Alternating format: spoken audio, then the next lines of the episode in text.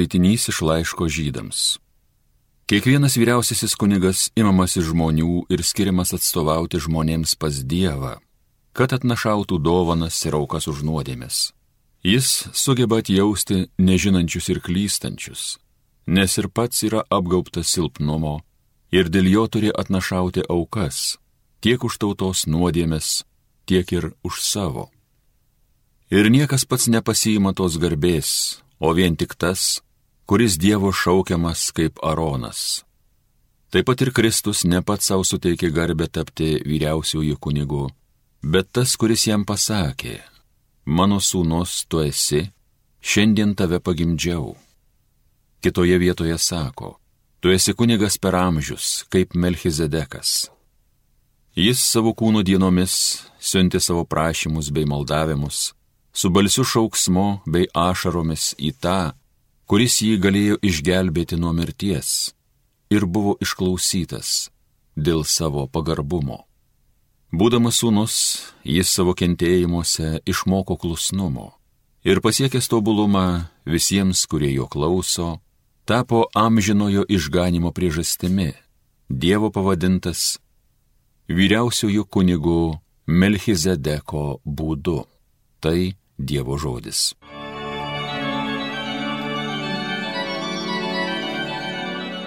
Tu kunigas amžiais, kaip Melchizedekas. Dievas sako mano valdovui, sėskis mano dešinėje, aš patiesiu tavo priešus tarsi pakojį po tavo kojų. Tu kunigas amžiais, kaip Melchizedekas. Dievas duos tau Sijono kalne valdovo lasdą ir tu savo priešus valdysi. Tu kunigas amžiais, kaip Melchizedekas.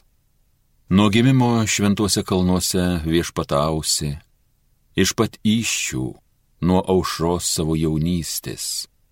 Tu kunigas amžiais, kaip Melchizedekas. Viešpats yra prisiekęs ir jis nesigaili. Tu kunigas amžiais, kaip Melchizedekas. Tu kunigas amžiais, kaip Melchizedekas. Alleluja,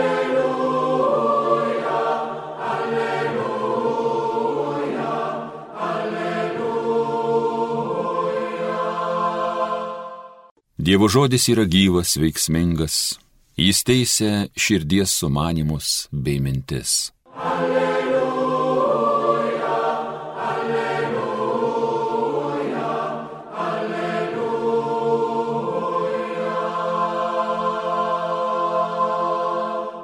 Iš Ventosios Evangelijos pagal Morkų. Anuomet Jono mokiniai ir fariziejai pasninkavo. Žmonės atėję klausė Jėzų, kodėl Jono mokiniai ir fariziejų mokiniai pasninkauja, o tavieji ne. Jėzus atsakė, argi gali vestuvių svečiai pasninkauti, kol su jais yra jaunikis? Kol jie turi su savimi jaunikį, jie negali pasninkauti. Bet ateis dienos, kai jaunikis bus iš jų atimtas ir tada tą dieną jie pasninkaus. Niekas nesivalopo iš naujo milo ant palaikio drabužio, antraip lopas atplėštų nuo jo gabalą naujas nuo seno ir skylė tik padidėtų. Taip pat niekas nepila jauno vyno į senus vynmaišius, antraip vyną suplėšytų vynmaišius ir nueitų niekais ir vynas, ir vynmaišiai jaunam vynui nauji vynmaišiai.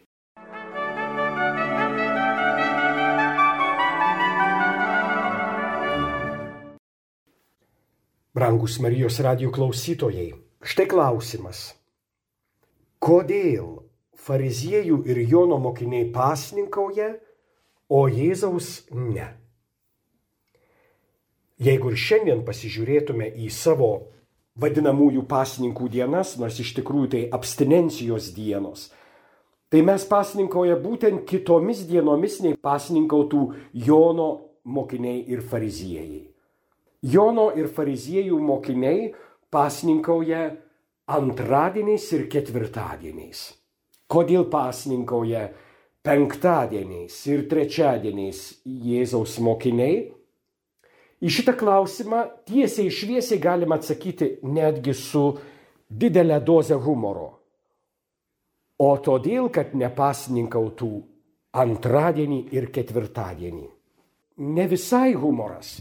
Nes būta nuostatų bažnyčios istorijoje, kaip būdavo nurodoma, kodėl ketvirtadienį pasninkauti krikščionims tiesiog nedėra. Ir būdavo nurodyta, kad tai yra įžengimo į dangų diena. Reiškia diena, kai krikščionys negali užsiminėti atgailos darbais. Tai šventės diena. Krikščionys nuo pat pradžios norėjo būti nieko nepanašus į žydus, nuo pat pradžios krikščionys norėjo išsiskirti. Kodėl?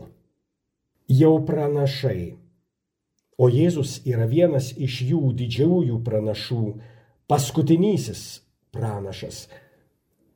Jėzus tame pačiame pranašų mentalitete Šita tauta garbina mane lūpomis, o jos širdis toli nuo manęs.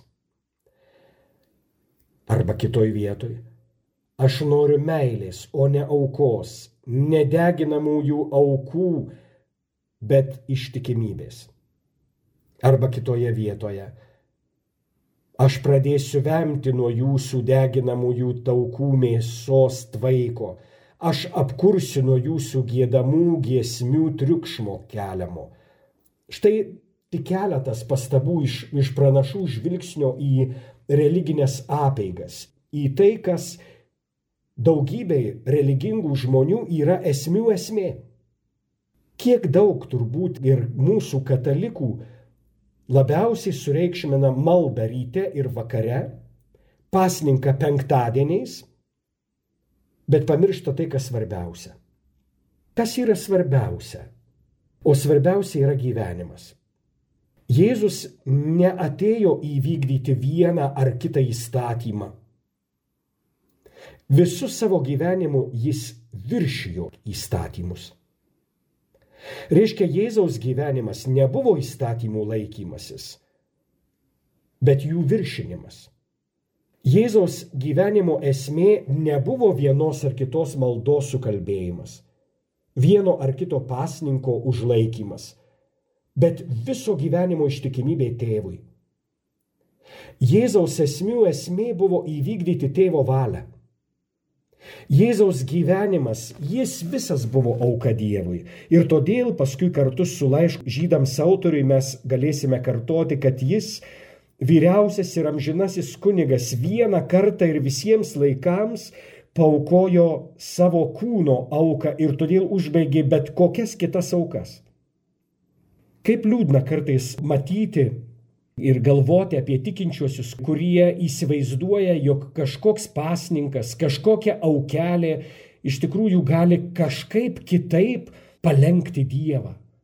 Atrodo, kad tai, ką mes padarysim, lieps Dievui kitaip mus pamatyti. Broliai seserys, Dievas mus myli, nes yra meilė. Ne todėl, kad mes laikomės pasninkų, ne todėl, kad kalbame ryto ar vakaro maldas prieš vargį ar po valgio. Dievas mus myli tiesiog dėl to, kad Jis yra pats meilė. Jis mums save atiduoda pilnai iki galo, nes šitaip elgesi meilė. Pasninkas ir kiti askezės darbai yra labai reikšmingi mums, kad persimtume tuo Jėzaus, tomis Jėzaus nuostatomis. Viskas tėvo valios vykdymui. Nes kaip dažnai labiausiai už viską mes norime vykdyti savo valią. Ir vykdyti Dievo valią atrodo pats sunkiausias uždavinys ir pats didžiausias išbandymas. Diskutuodamas su Jono mokiniais ir fariziejų mokiniais, Jėzus padaro labai svarbų dalyką. Save pristato kaip jaunikį. Kaip jaunikį savo mokinių, jaunikį bažnyčios. Ir jis sako, kad kol jaunikis yra kartu su jais, tol Jėzaus mokiniai pasninkauti negali kaip ir dera per vestuves. Visai neseniai girdėjau pasakojimą apie vieną šeimos tragediją. Mane palietė. Tikriausiai palies ir jūs, bet kartu vėl iš naujo leido suvokti, apie ką čia Jėzus kalba. Neseniai vedęs, jaunuolis sužino, kad jo žmona yra jam daug kartų neištikima. Ir vieną vakarą grįžta į namus ir randa žmoną pasijėmusią visus savo daiktus ir iškeliavusią. Jis pasakoja, kad jam taip užgneužiai kvapą ir širdį, kad jis nieko negalėjo daugiau padaryti, tik atsisėdo ant sofos ir tiesiog sėdėjo, kelias valandas sėdėjo apie nieką negalvodamas, kol antrą ar trečią nakties, to neprisimena, atsistojau, pasakoja, nuėjau prie spintos ir pradėjau renktis savo jaunikio drabužius. Drabužius, su kuriais prieš keletą mėnesių susituokiau. Ir net ne, pats nepajutau, kaip vidury naktų įsikvietęs taksi, nuvažiavau pas savo žmoną, kuri pabėgo. Žinojau, kad ji pas geriausią savo draugę. Man atrodė, kad tą valandą aš galėjau geriausia, ką padaryti, tai jai priminti, kad aš esu jos jaunikis. Būtent apie tai čia kalba ir Jėzus. Jis yra bažnyčios jaunikis. Bažnyčia yra jo nuotaka. Neištikima, suplėšytais nuotakos drabužiais, daug nusidėjusi, vis besigrėžiojanti į kitus dievus, į kitus jaunikius. Tai esame mes. Esame bažnyčia. Todėl mums labai reikia pasninkauti. Todėl mums labai reikia atgailoti. Tačiau esmių esmė nėra atgaila. Esmių esmė yra gyvenimas kartu. Iš naujo atnaujinant savo ryšį, savo santykį, savo bendrystę, savo buvimą kartu. Atgaila keičia mus. Atgaila permaldauja Dievą, kaip sako maldos. Bet mūsų viešpats Jėzus aiškiai kalbėjo apie savo dievišką ištikimybę, apie nuolatinę dievišką ištikimybę, apie ištikimybę, kuriai nieko netrūksta. Tai mes neištikimi. Jis visada lieka ištikimas. Šitame palyginime apie save, jaunikį ir nuotaką, bažnyčią ar savo mokinius, Jėzus vėl iš naujo nori mums priminti, kokie turi būti mūsų santykiai. Ir kas yra esmių esmė Tai buvimas kartu, tai gyvenimas kartu. Tai ne kokie nors daiktai ar dovanos, maldos ar pasninkai, bet tiesiog priklausimas Dievui ir džiaugsmas, kad jam priklausai.